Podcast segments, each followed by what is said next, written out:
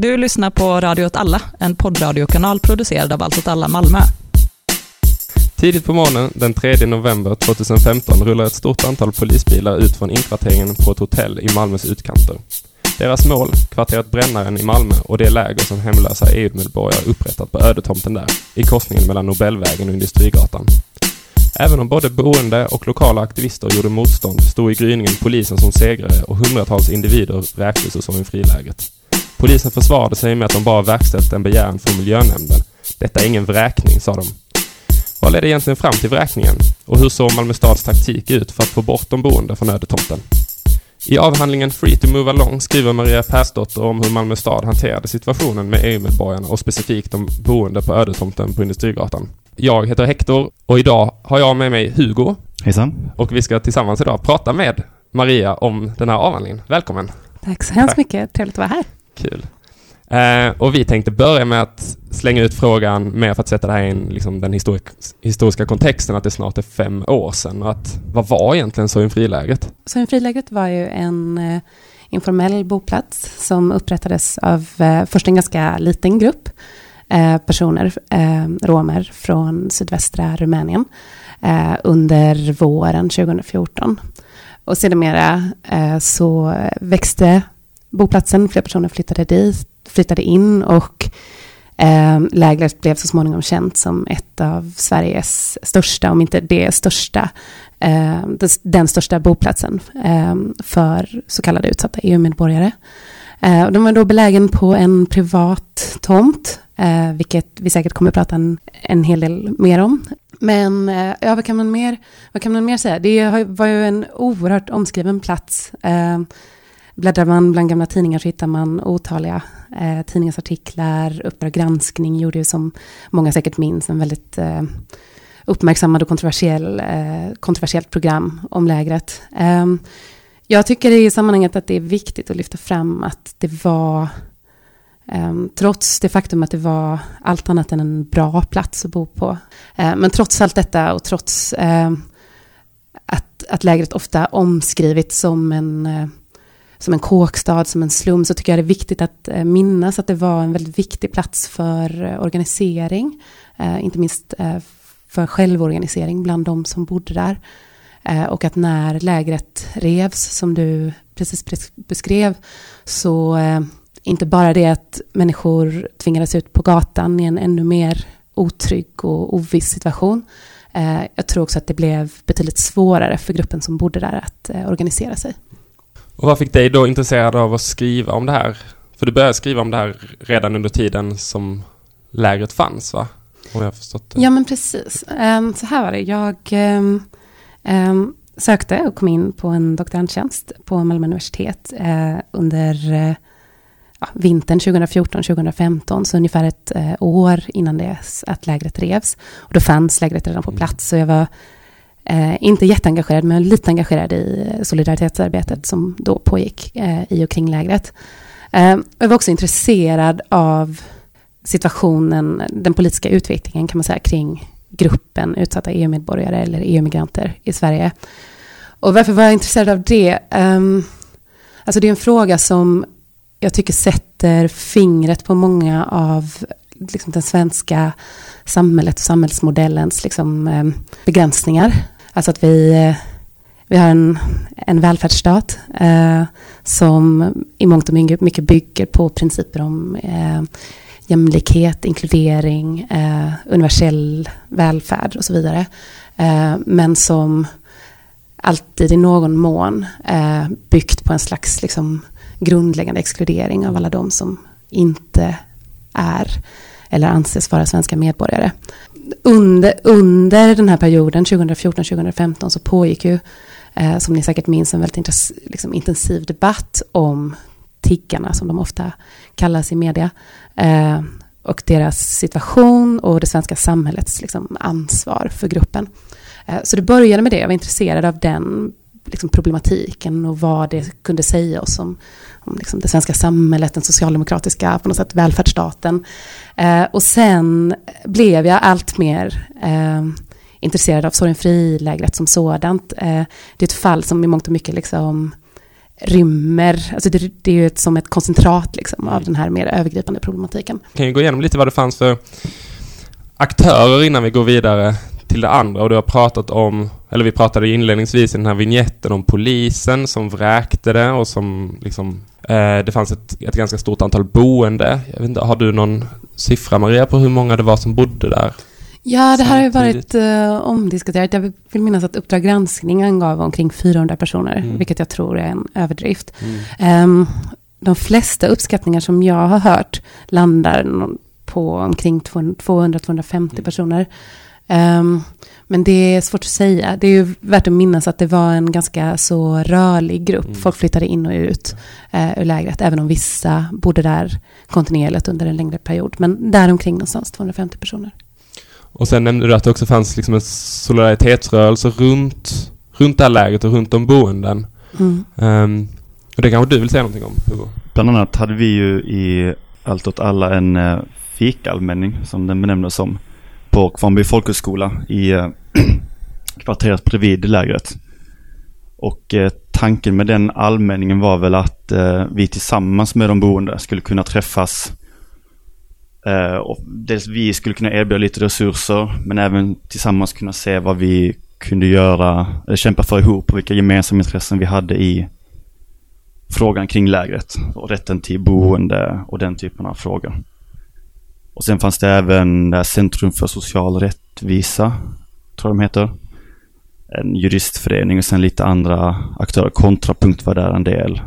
Så den här allmänningen var som både en plats där, där de boende kunde få vissa behov tillgodosedda så att säga. Eller så. Det fanns resurser där de fick, det var gratis fika, det fanns, eh, om jag minns det, jag har inte läst så många gånger, men det fanns i internet, det fanns datasalar, det fanns lite sådana saker. Och samtidigt en plats där man kunde mötas för att, som du sa tidigare, man också liksom organisera sig eller ställa krav. Så. Jag tänker att det finns en till aktör i det här som vi kommer att prata mer om under programmet och det är Malmö stad. Um, och vad spelar Malmö stad för roll i den här processen? Mm. Kanske en stor fråga, om vi kan, vi kan börja med mm, det. Vi kan, vi kan börja med det övergripande. Alltså det som hände, om man ska dra det lite kortfattat, var att eh, gruppen eh, etablerade sig på den här eh, platsen under våren 2014. Och ganska snart därefter så började kommunen motta klagomål från eh, eh, privatpersoner i Malmö. Det var som jag har förstått det, framförallt en liten grupp som skrev in upprepade gånger eh, och klagade på lukt, eh, rök, brandrök eh, och andra liknande företeelser. Eh, och Eh, det gjorde i sin tur att miljöförvaltningen blev inkopplad på ärendet och började undersöka förhållandena eh, på, på platsen. Det här skedde då redan under våren 2014. Eh, och som jag nämnde tidigare så det här är ju en privatägd plats. Det är ett Stockholmsbaserat företag som då hette Granen Fastighetsutveckling AB, men som nu mer har bytt namn. Jag kan inte minnas exakt vad deras namn är, men det är i alla fall en, ett fastighetsbolag som eh, ja, de äger en rad tomter runt om i Malmö och har väl som sin modell, som jag har förstått det, att köpa upp just den här typen av, eh, vad ska man säga, alltså rätt nedgångna gamla liksom, industrimarker för att sen vänta på rätt tillfälle att bebygga dem. Eh, och om man besöker Sorgenfri idag så kan man ju notera att det här är en av de få eh, tomter som fortfarande är obebyggda, mm. obebyggd. Eh, och det handlar delvis om att marken är väldigt eh, hårt nedsmutsad. Mm. Hur som helst, så den här eh, privata fastighetsägaren, eh, han fick påtryckningar från Malmö stad om att liksom, göra någonting åt situationen. Och om jag inte minns fel så det första han gjorde var att han rev planket som omgärdade, då omgärdade lägret och satte upp ett eh, stängsel. Eh, med tanke att han då skulle kunna, liksom, eh, ja, på ett eller annat sätt få den boende att flytta, låsa grinden och så skulle liksom, den här historien vara över. Eh, men riktigt så blev det inte, utan eh, de boende eh, insisterade på att få stanna kvar mm. på platsen. Den här privata fastighetsägaren gjorde ett antal försök att vräka de boende. och när det visade sig vara mer komplicerat än vad man kanske hade kunnat tro från början så klev kommunen in och fattade ett antal beslut i syfte att få bort de boende från platsen och städa upp och återställa mm. platsen till sitt liksom, tidigare tillstånd. Eh, och det var en ganska um, komplicerad och, och eh, långdragen juridisk process, mm. men som ju då till slut eh, resulterade i att eh, lägret vräktes och mm. revs eh, i november 2015. Mm.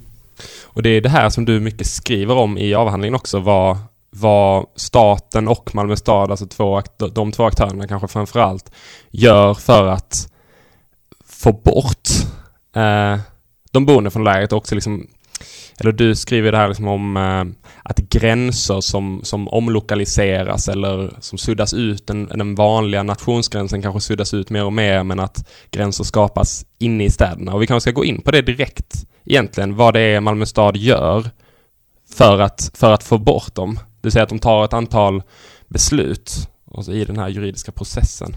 Alltså kommunen drev ju en process som i liksom tekniska termer rörde eh, de sanitära förhållandena på platsen. Men hela tiden görs det kopplingar både från kommunens egen sida, eh, från alla de hundratals personer som skrev in till kommunen och på olika sätt klagade på antingen på kommunens eh, tillvägagångssätt eller på, på lägret som sådant. Eh, och även i media och så. Att hela tiden görs ju kopplingen mellan liksom den här platsen, den här det här så kallade slumområdet och vad ska man säga, större frågor som rör alltså EU-medborgarnas möjligheter, rättigheter eh, att, att få vistas i Sverige. Så hela tiden liksom sker den här, vad ska man säga, kopplingarna mellan den liksom väldigt, väldigt lokala nivån eh, och större frågor som rör men, europeisk fattigdom, eh, EU-integration, fri rörlighet, migrationspolitik och så vidare. Och så vidare. Um, så det är väl det första. Um, vad gäller, alltså generellt sett kan man säga så att ända sedan den fria rörligheten infördes, uh, vilket den gjorde på 50-talet, uh, eh, i och med att Romfördraget um, antogs uh, på EU-nivå, så har det funnits en debatt eh, mellan EU-länderna om alltså den fria rörlighetens baksida. I takt med att man har liksom utvidgat rätten till fri rörlighet och i takt med att EU också har utvidgats och att, att fler människor i framförallt då de forna öststaterna fått tillgång till den här rättigheten, så har det funnits en debatt eh, om liksom olämplig eller eh, okontrollerbar rörlighet. Eh, och det är ju en väldigt, liksom, det är en debatt som länge präglats av en slags liksom, rasistisk diskurs, där romer särskilt liksom, pekats ut som en problematisk rörlig grupp. Så när Rumänien och Bulgarien eh, blev medlemmar, medlemmar i EU 2007 eh, så var det flera länder, framförallt i Sydeuropa, som ganska snabbt införde olika typer av eh, eh antingen nationella eller lokala lagar som möjliggjorde för dem att eh, utvisa rom, romska grupper framförallt, men också andra fattiga migranter. Många minns säkert de här eh, väldigt uppmärksammade Eh, Eh, och väldigt kontroversiella massutvisningarna av romer som skedde i Frankrike.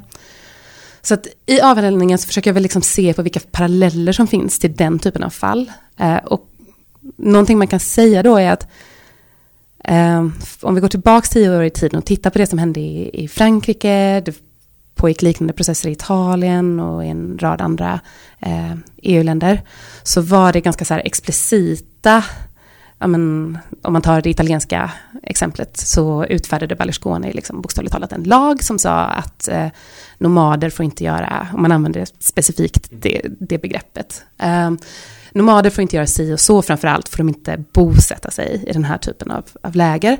Eh, och så använder man den lagstiftningen för att eh, utvisa en, ett stort antal människor. Och det som sker i Sverige, vi har haft liksom liknande debatter, liknande diskussioner. Eh, men liksom det statliga och kommunala tillvägagångssättet eller hur man har valt att hantera den här frågan har byggt mycket mer på liksom, ehm, vad ska man säga, ett mycket mer indirekt förfarande. Ehm, så ibland ställer sig Stefan Löfven upp och säger vi ska minska förekomsten av tiggeri, vi ska minska ut, liksom fattigdomens utbreddhet i Sverige. Men man säger ju väldigt sällan de här människorna ska bort, de ska ut. Liksom. Det är väldigt sällan eh, man, är, man liksom uttrycker sig så explicit. samtidigt kan vi ju se att det liksom förs, både på lokal nivå och nationellt, en ganska så systematisk politik som i avhandlingen uttrycker jag det som att man liksom systematiskt försökt um, alltså tillintetgöra, det är ett starkt uttryck, men nu använder jag det ändå, eh, liksom alla de utrymmen, alla de rum eh, som gruppen eh, rör sig inom och vistas i. Och det handlar ju då om sådana saker som att inskränka rätten att, eh, att tigga eh, på offentliga platser. Där har vi många exempel på lokala tiggeriförbud. Och som i fallet med Sorgenfrilägret, att eh, i första ledet liksom vräka en, en boplats utan att erbjuda alternativt boende. Och sen, och det kanske vi kan prata om, för det slutade ju inte med vräkningen av lägret, utan efter att man hade vräkt lägret så gick man ju vidare och eh, stängde ner en rad andra verksamheter i staden där, som var betydelsefulla för gruppen.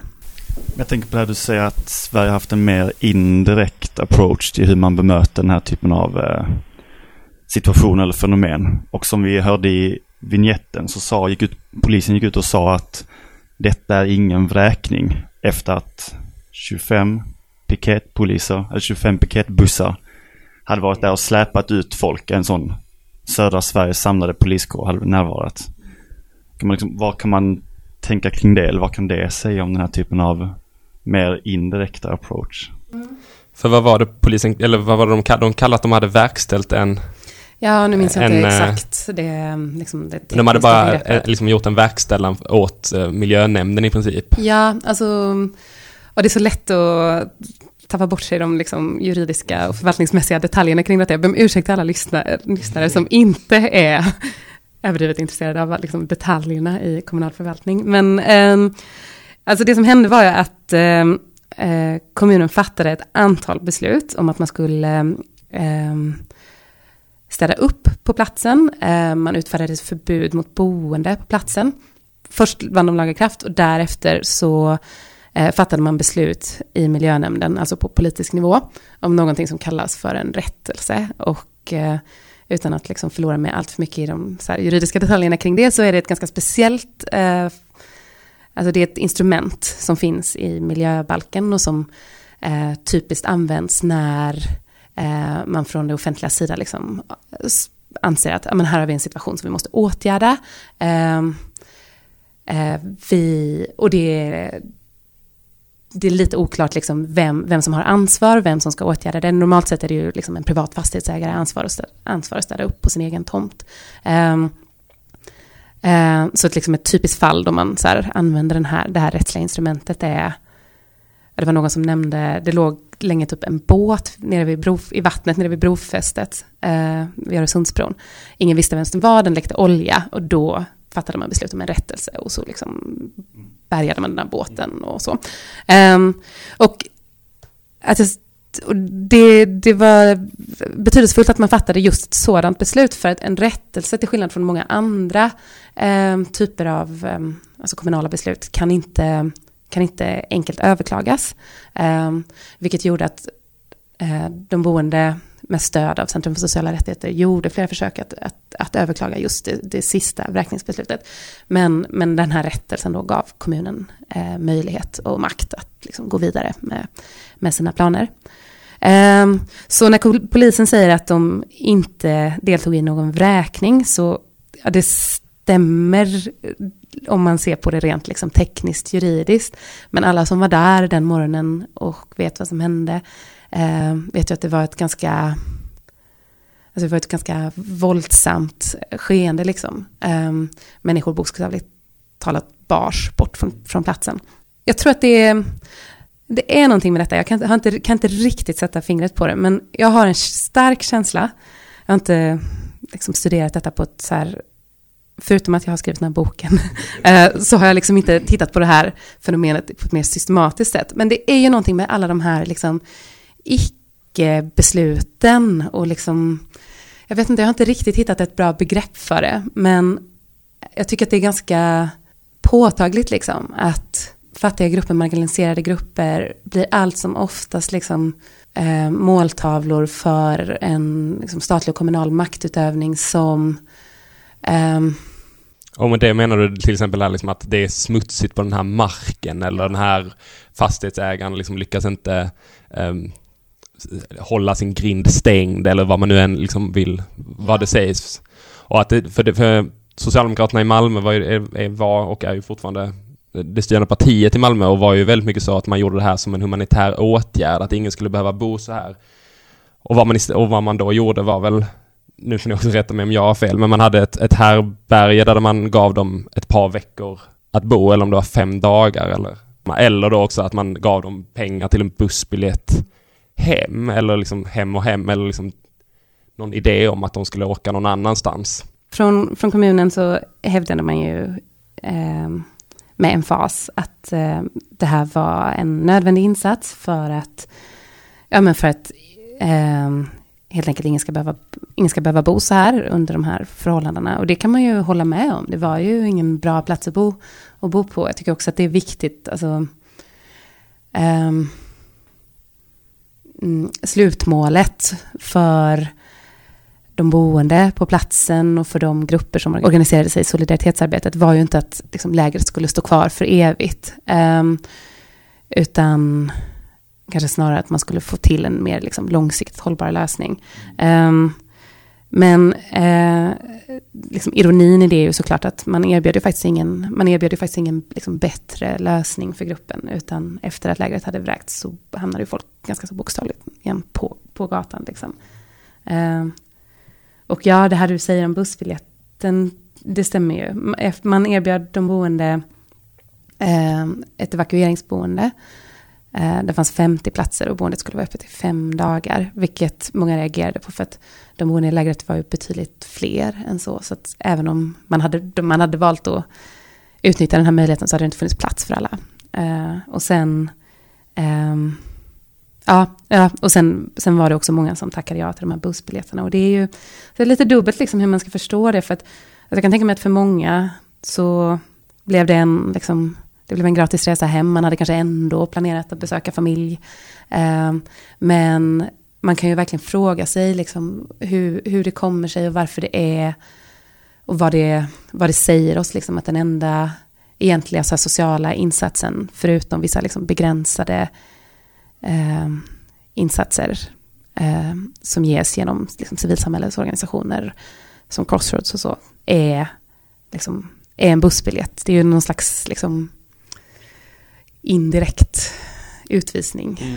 Eller vad man ska säga. Ja, precis. Men du använder ju begreppet self-deportation, va? I, Just det. Som ju tänker, eller som jag i alla fall tol tolkar in som liknande det här, liksom att man, man gör det omöjligt att vara på en plats. Det kanske jag skulle sagt tidigare, för det är ju, det är ju en, kanske en, liksom en viktig eh, pusselbit för att förstå mitt över, min övergripande analys och min övergripande argument att här har vi att göra med en grupp som liksom i mångt och mycket förstås som liksom oönskade migranter och som beskrivs så i väldigt hög utsträckning i media och så.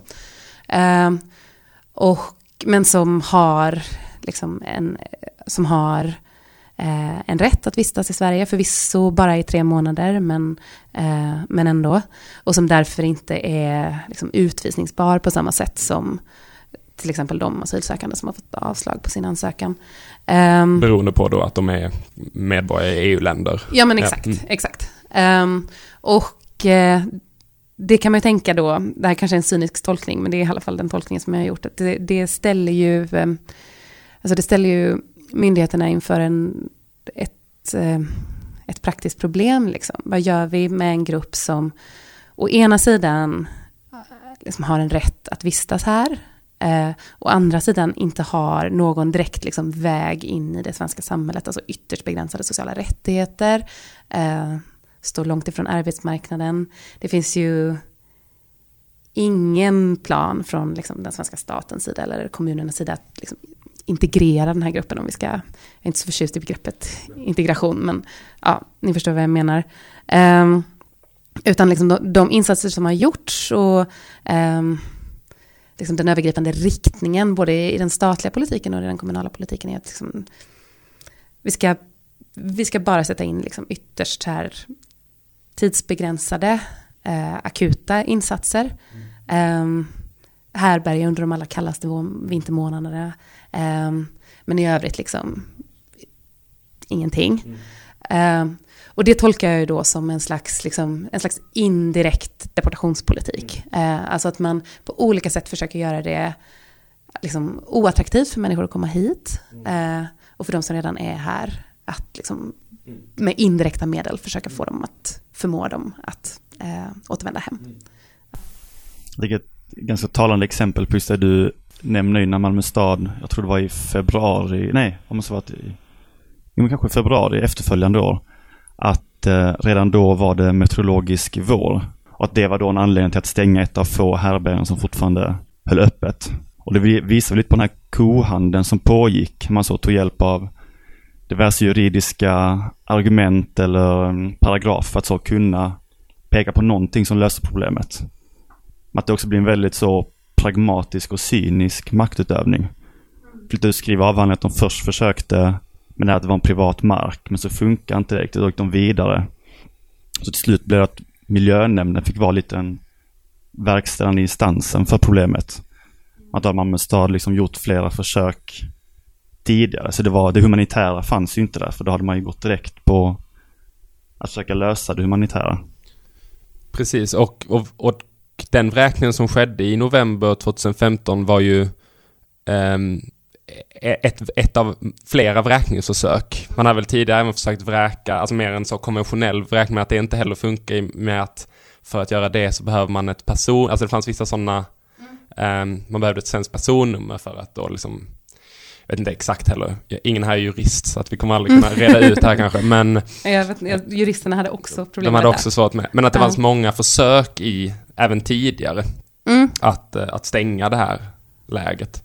Ja men precis. Alltså det är väldigt lätt när man pratar om den här situationen och det som hände 2015 att, att bli liksom cynisk. Eh, och jag kan nog ibland ha haft en tendens att uttrycka mig cyniskt. Jag tycker någonstans att man ska ha så här respekt för att det är det är en jätte, jättekomplex social och politisk fråga som verkligen liksom ställer avgörande politiska frågor på sin spets. Men som här på något sätt liksom kanaliseras in eller liksom reduceras till en ren miljöfråga. Mm. Trots att den rymmer liksom hela den här komplexiteten. Mm. Och där sitter tjänstepersoner på miljöförvaltningen och ska på något sätt försöka liksom navigera i en oerhört komplicerad situation eh, med, med begränsade verktyg det här skulle aldrig liksom reducerats till en ren miljöfråga från första början, utan eh, det är en komplex fråga som liksom tvingar oss att fundera kring liksom grundläggande, men typ den grundläggande så här, organisationen av vårt samhälle. Mm. Eh, och att det var många steg där dessförinnan också, eller det vi pratade om, det som du sa Hugo, den här liksom kohandeln i att försöka hitta en, en öppning i i lagrummet eller vad man ska säga. Och mm. som, som både politikerna som tog de här besluten skulle kunna stå bakom och kunna kanalisera ut och som skulle liksom funka juridiskt. Så. Mm. Jo, men, jo, men så, så var det absolut. Um, alltså en intressant liksom, detalj kanske i sammanhanget är att så här, eh, den privata fastighetsägaren, det här bolaget Granen Fastighetsutveckling, gjorde flera försök att um, vräka de boende. Och med, genom ett liksom, traditionellt vräkningsförfarande. Och då brukar det gå till så att man vänder sig till Kronofogden eh, och uppger namn Eh, och adress på de personer som, som ska vräkas. Och när det gäller liksom en vanlig lägenhetsvräkning så, så är det sällan liksom några problem att identifiera vem det gäller. Eh, men i det här fallet handlar det om en liksom stor grupp, eh, en grupp som hela tiden liksom förändrades, folk kom och gick eh, och som inte hade någon adress. Så att eh, Kronofogden eh, Fastighetsägaren skickade ett antal förfrågningar till Kronofogden eh, och Kronofogden eh, begav sig till platsen och försökte liksom meddela de här besluten till ett antal namngivna personer. Jag vet inte var fastighetsägaren hade snappat upp namnen, kanske i någon tidningsartikel eller så. Eh, och eh, jag tycker att det här är så liksom lustig typ anekdot, för den, den säger så mycket om liksom den svenska byråkratin. Eh, för då, då kommer Kronofogden till platsen med liksom ett vräknings besked eh, och ska meddela det till en viss person, så upptäcker de typ att nej, men, namnet är felstavat i vräkningsansökan eller personen har flyttat och så får de lägga ner ärendet och det sker liksom upprepade gånger. Ehm, så att, eh, vissa minns kanske att det pratades mycket om det här att eh, i, i media beskrevs det som ett slags moment 22, alltså att fastighetsägaren var tvungen att identifiera de boende för att kunna vräka dem, men och fick samtidigt ingen hjälp med det av polisen, vilket gjorde att det liksom i praktiken blev omöjligt att vräka. Eh, och Eh, ja, det var det som då ledde fram till att liksom kommunen klev in och eh, ja. Men man kan nämna faktiskt i sammanhanget, och det är lite intressant att alltså det här var ett problem som, det var väldigt liksom omdebatterat och omtalat när det, när det pågick och ja, men, som vi nämnde tidigare, liksom Uppdrag granskning gjorde ett långt inslag om det. Eh, men eh, eh faktum är att eh, på andra håll och kanter i landet, i Stockholm till exempel, så genomförde polisen liksom utan att blinka, eh, eller förlåt, inte polisen utan Kronofogden, utan att blinka, eh, en rad vräkningar. Så att det som liksom i Malmö beskrevs som ett moment 22 eh, var ingenting man liksom överhuvudtaget verkar ha eh, tagit fasta på i Stockholm, utan där, eh, och även på andra håll runt om i landet, utan där har man liksom gått fram mycket hårdare då och vräkt utan, utan att göra det så komplicerat för sig. Vad ser du någon anledning till att det var så stor pass skillnad mellan svenska städer? Alltså om jag skulle tillåta mig att liksom spekulera så tror jag ärligt talat att det spelade roll att eh, skandalen med romregistret hade ägt rum här i Skåne bara några år innan den här eh, situationen uppstod. Eh, romregistret var då? Ja, precis. Det handlade då om att Eh, Eh, en journalist på eh, DN, Niklas Orenius, avslöjade att Skånepolisen under många, många år eh, fört ett väldigt omfattande register över eh, personer som de kallade för kringresande, alltså resande och romer. Eh, och där fanns ehm, där fanns barn, gamla, avlidna, ehm, som man från polisens sida ville hålla koll på. Eh, helt enkelt för att man utifrån en liksom, rasistisk föreställning om romer trodde att de eh, eh, skulle kunna komma att misstänkas för brott. Ehm, och eh, Skånepolisen fick ju enormt mycket kritik för detta och fälldes. Eh, hela situationen kring Sören aktualiserade ju också eh, en diskussion om statlig rasism gentemot romer. Och jag menar, det är inte första gången i historien som eh, romer och resande liksom fördrivs på det här sättet. Och kanske var det så, här kan jag bara spekulera, att man från just Malmöpolisens sida var lite liksom nervös eh, och tyckte att situationen var liksom knepig och olustig. Och med, och med all rätt, alltså, de, de hade ju goda anledningen att, liksom, eh, att ta det försiktigt och att verkligen liksom tänka igenom sitt, sitt agerande. Eh, men det tolkades då av bland annat Uppdrag granskning som liksom feghet eller brist på handlingskraft eller så. Jag tror du nämnde någonstans i eh, boken att det blev någon slags dubbel synlighet kring lägret. Dels var det väldigt exponerat för en ganska central plats i Malmö, för de som inte ser den framför sig. Det är en plats där många cyklar förbi på vägen till jobbet. Ganska mycket människor rör sig där. Men sen menar du också att just på grund av att den var så pass synlig geografiskt och central så blev även så den framförallt eh, kommunala repressionen synlig. Mm. Kan du berätta någonting mer hur du tänkte kring, eh, kring det? Mm, ja, precis. Alltså det, var, det var ju någonting med det att lägret var så centralt eh, beläget och så synligt. Jag vet eh, i början av min doktorandperiod så var jag på ett ehm, på typ en konferens eh, för eh, kommunanställda och kommunpolitiker för att liksom prata om där, man, där den här problematiken diskuterades. Då pratade man mycket om att ja, men så länge liksom de här lägren inte syns så kan vi låta dem existera. Lite så här out of sight, out of mind. Liksom. Eh, ligger de i en skogsdunge någonstans utanför stan eller liksom i utkanten av stan så ja, så slipper vi klagomål, så slipper vi liksom stå till svars för vad, vad än vi gör. Liksom. Alltså synligheten tror jag gjorde att eh, eh, allmänheten fick upp ögonen, eh, kommunen fick betydligt mer frågor om vad de gjorde eller tänkte göra än vad de kanske hade fått annars. Eh, och precis som du sa Hugo, så tror jag också att det gjorde att alltså kommunens agerande blev väldigt eh, ja, men, synligt liksom för allmänheten och för eh, vad ska man säga, de, eh, de organisationer, liksom de rörelser som på olika sätt engagerade sig i frågan. Eh, och det är någonting jag har reflekterat över för att sen lägret revs så det är inte så att gruppen har fått det bättre direkt och eh, den här typen av eh, alltså, eh, evakueringen och rivningen av Sorgenfrilägret var ju liksom unik i sin storlek och omfattning och så. Eh, men faktum är att alltså, människor blir ombedda att flytta på sig, packa ihop sina saker och, eh, och gå någon annanstans. Det händer ju nästan dagligen liksom i Malmö, men det är väldigt svårt om man inte har väldigt nära kontakt med de här grupperna eller själv tillhör dem. Eh, så det är väldigt svårt att liksom få syn på, på den eh, repression som det ändå handlar om. Um, I fallet med Sorgenfrilägret så var det så oerhört synligt. Liksom. Vi kunde alla läsa om det i tidningen, vi kunde alla besöka platsen. Um, och eh, kommunen hade ju verkligen ögonen på sig.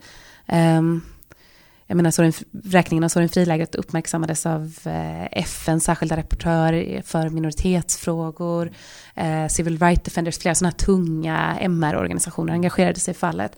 Eh, men nu har vi liksom en så mycket mer eh, alltså systematisk, ständigt pågående typ av repression. Mm. Eh, som, som fortgår men, som, eh, men under radarn. Mm. Eh, den är inte synlig för de allra flesta. Så liksom en, en pågående repression men som är mer lågintensiv. Jag vet att för ett par år sedan så, så gick man också, jag tror också att det var via miljönämnden med att man förbjöd folk att sova i bilar. För, mm. På grund av att det skulle kunna förekomma nedskräpning i anslutning till, till bilarna. Jag vet att det var aktuellt på Kristianstadsgatan till exempel vid Möllevången. Mm. Att, eh. Precis. Jag vet inte om man gick så långt att man förbjöd det, men det diskuterades definitivt. Mm. Och jag vet ju många som har um, fått, uh, alltså, fått parkeringsböter just mm. för att de har sovit i sina bilar. Um, ja, det är ju i mångt och mycket liksom samma grupp som mm. bodde i Sorgenfrilägret och som efter det att lägret revs uh, valde att köpa bilar just för att kunna sova i dem. Mm. Många kan inte ens köra sina bilar men de har dem för, som, som bostad. Um, och uh, ja, nej, när man också är utsatt för en liksom väldigt systematisk, uh, uh, ja vad ska vi kalla det liksom, ja men någon slags liksom, uteslutningspolitik är det ju ändå det handlar om från mm. kommunens sida. Liksom. Det, och att man ska komma ihåg att, de är, att det är en väldigt utsatt grupp även för annan typ av trakasserier och våld och, och den att man inte heller ska glömma det, att det under den här perioden, 2014-15, att det var rätt mycket attentat mot olika bosättningar, inte i något det var väl inget större attentat just mot Sorgenfrilägret. Men jag vet att det var ju brandattentat mot bland annat en bosättning i Stockholm va? Ja, um, precis. Det och var... sådär, att det var en också en tydlig del av debatten och som ju fortfarande är en grupp som är väldigt utsatt för, för våld och trakasserier. Det är lite anmärkningsvärt, men det var ju också en del av liksom miljöförvaltningens, ehm, hur de rättfärdigade, rättfärdigade rivningen av lägret. Alltså att man, man såg att det fanns en stark hotbild mot lägret. Ehm, eh, och eh, då resonerade man så att det, det, var liksom bäst att riva det för att inte ge, vad ska man säga, så här eh, fascistiska, rasistiska liksom, våldsverkare, typ vatten på sin kvarn eller så. Um, men frågan är om... Alltså det är ju verkligen en... Eh, vad man gör är ju att man liksom på något sätt liksom skuldbelägger offren för det, det våld de är utsatta för. Alltså om ni inte var här och var så, liksom, eh, vad ska man säga, typ synliga och liksom anstötande inom citationstecken, eh, så skulle ni inte, ja, ja, det blir fel på något sätt. Jag tänker att vi kan kanske börja avrunda. Och kanske avrunda lite med frågan eh, vilka politiska lösningar vi kan se ur den här diskussionen. Det är en väldigt svår fråga såklart, men vad... Eh, ja, men om vi så försöker vända det till, till hur man kan omsätta det i, i som du sa innan, liksom, politisk debatt eller eh, mobilisering, organisering mm. och så vidare. Har ni några kloka, kloka idéer? Hugo? Ja, eh, vad ska man säga?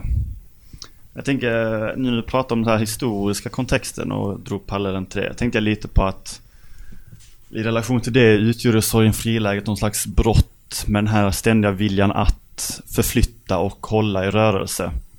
För jag tänker att väcka någon som sover i en bil och tvinga dem att köra vidare är betydligt enklare och utgör ett mindre problem än när det bor 200 personer i ett mer eller mindre permanent boende som börjar bli för att utforma en slags kollektiv identitet, ställa krav, hitta in så gemensamma intressen med grupper runt omkring. Och så när, närvara på kommunfullmäktige möten, skriva debattartiklar. Jag tänker ändå att den typen av gemenskap utgör ändå ett hot mot att hålla det i en, som de helst vill göra, i en skogsdunge någonstans där det inte syntes. Det här blev ju någon slags antites till det drömscenariot för en svensk kommun. Så det gemensamma ändå verkligen utmanade och tvingade politikerna att ta tag i det. Sen utfallet blev ju ganska, blev ganska fruktansvärt ändå med den här vräkningen mitt i vintern och så. Mm. Ja, men absolut, jag tycker det är jätteviktigt det du säger att så här, um, alltså det är lätt så här fyra år senare, fem år senare, uh, när man ser på situationen idag och vad utfallet blev, att, att liksom känna sig uppgiven och mm, pessimistisk. Men alltså man ska också minnas att så här, och den mobilisering som skedde där kring var ju historisk. Alltså, um, det, jag kan inte minnas liksom något annat fall under de senaste sex sju åren då det skett en så liksom, omfattande folklig mobilisering kring eh, ja, men, kring en sån här vräkning eller liksom kring situationen för, för utsatta EU-medborgare i allmänhet. Um, och uh, ja, men det talades en hel del, liksom, när, när det här skedde så talades det om att det var liksom en så här, ja, men, en av de liksom större folkliga så här, eh, liksom, romska rättighets, alltså liksom, på en, en viktig händelse i den liksom, långa kampen för rättvisa för romer. Mm. Ehm, så det tycker jag också är jätteviktigt att, att poängtera. Och precis som du sa, liksom, det var ju ehm, det var ju verkligen en ehm, ganska unikt att eh, den, den mobilisering som skedde och precis där du säger liksom om alltså skapandet av någon slags liksom gemensam kollektiv identitet, att man identifierade liksom gemensamma frågor mellan grupper som kanske har en liksom starkare förankring i Malmö Eh, och de, som, de boende i lägret och liksom satte fingret på så här, gemensamma frågor, gemensamma krav. Och där tror jag också någonstans att hoppet ligger. Alltså, som jag, som jag pratade om tidigare, liksom det här, den här, hela den här liksom komplexa liksom klustret av frågor som omgärdar eh, liksom situationen för EU, utsatta fattiga EU-medborgare i Sverige. Alltså den sätter ju verkligen det sätter ju verkligen fingret på liksom några så här riktigt alltså svåra, väldigt grundläggande frågor kring liksom välfärdsstaten, dess utestängningsmekanismer och så vidare. Och så vidare. Och där tror jag att liksom svaret kan inte vara någonting annat än liksom en så här en, en liksom organisering, försöka skapa och, eh, nya typer av liksom kollektiva gemenskaper. Eh, liksom på tvärs med landsgränser, på tvärs med liksom alla de här olika systemen som liksom skiljer oss åt och som liksom lär oss att vi har motsatta intressen. Mm. Um, och uh, ja. Uh, Försöka bära det, den kraften eller hoppet om vad som kan hända i en sån kollektiv process också. Kanske. Ja, alltså jag märker att det låter lite ansträngt när jag säger det och som att jag knappt själv tror på det. Men, men jag vill nog ändå liksom hävda att där, där någonstans liksom finns, finns lösningen. Det är värt att minnas liksom i sammanhanget att så här, nationalstaten med liksom alla dess exklusioner är ju så en väldigt ändå förhållandevis liksom ny historisk företeelse. Um, går vi tillbaka bara hundra år liksom, så hade ju inte liksom den svenska staten, den svenska välfärdsstaten alls liksom lika hårda konturer. Sådär. Eh, och att eh, jag tänker att det är liksom typ den avgörande frågan för liksom, den breda vänsterrörelsen idag.